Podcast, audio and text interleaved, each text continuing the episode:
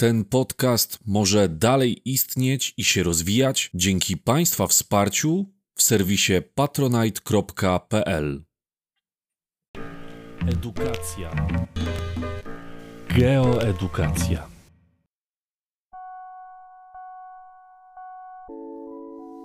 Trzęsienia ziemi.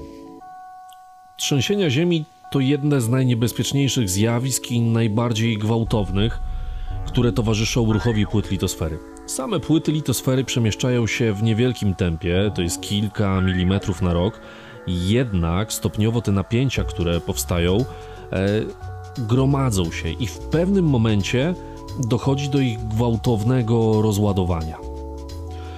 Trzęsienie Ziemi to drganie skorupy ziemskiej, które właśnie jest rozładowaniem tych naprężeń, które powstały w wyniku ruchu płyt litosfery.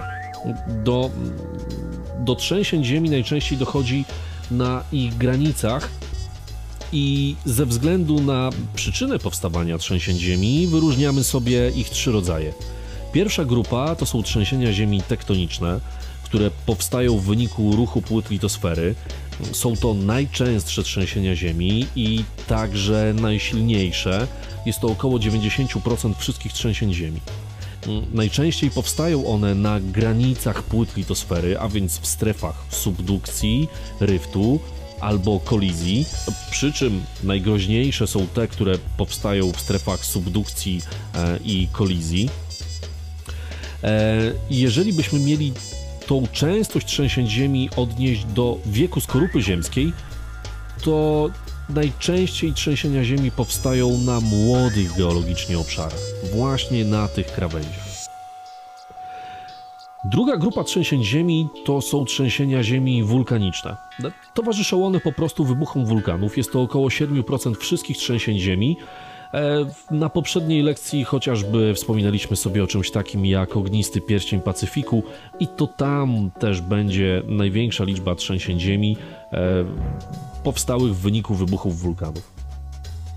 Trzeci rodzaj trzęsień ziemi, jaki jest zamieniony, wymieniony w podręczniku, to są trzęsienia ziemi zapadliskowe albo zapadowe. E, są to takie trzęsienia, które powstają w wyniku zapadania się stropów jaskiń albo w kopalniach i jest to około 3% wszystkich trzęsień ziemi. Natomiast ten podział nie wyczerpuje jeszcze wszystkich rodzajów, ponieważ do trzęsień ziemi dochodzi także w wyniku na przykład detonacji ładunków wybuchowych w kopalniach e, odkrywkowych chociażby, e, czy w wyniku uderzeń meteorytu. I te dwa ostatnie przykłady akurat nie mieszczą się w, w tej grupie trzęsień zapadowych. Naszą planetę możemy podzielić sobie na trzy obszary występowania trzęsień ziemi. Pierwszy z nich są to obszary sejsmiczne, a więc częstych trzęsień ziemi e, i to są obszary, które występują na granicach płyt litosfery, e, a więc głównie te trzęsienia ziemi tektoniczne. Przeciwieństwem obszarów sejsmicznych są obszary asejsmiczne, i one najczęściej występują na obszarach, e, które są stare geologicznie, a więc zachodnia Australia tutaj będzie takim bardzo dobrym przykładem, duża część Afryki, e, Antarktyda, północno-wschodnia część Europy. To są obszary mm, prekambryjskie i tam już w zasadzie jest wszystko, można powiedzieć, ustalone.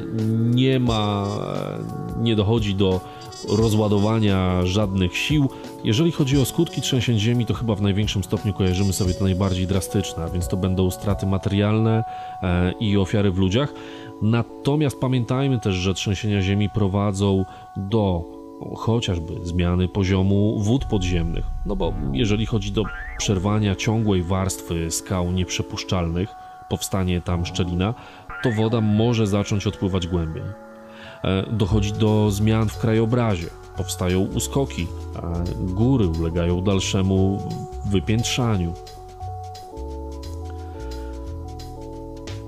Ruchy epeirogeniczne mm, są to powolne, długotrwałe, e, pionowe ruchy skorupy ziemskiej. Decydują one przede wszystkim o dwóch rzeczach. Jeżeli dochodzi do obniżania się dużych fragmentów e, litosfery, wtedy e, na ten obszar może wtargnąć morze. Takie coś, taką, taką sytuację nazywamy transgresją morską, czyli zalaniem lądu przez morze.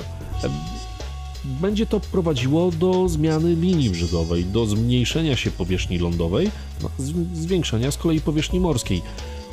W przypadku odwrotnej sytuacji, a więc kiedy rozmawiamy o ruchach wznoszących, będzie dochodziło do podnoszenia się fragmentów płyt litosfery, e, obszar lądu może się wynurzyć ponad morze i wtedy dochodzi do regresji morza, a więc wycofanie się morza z obszaru lądu.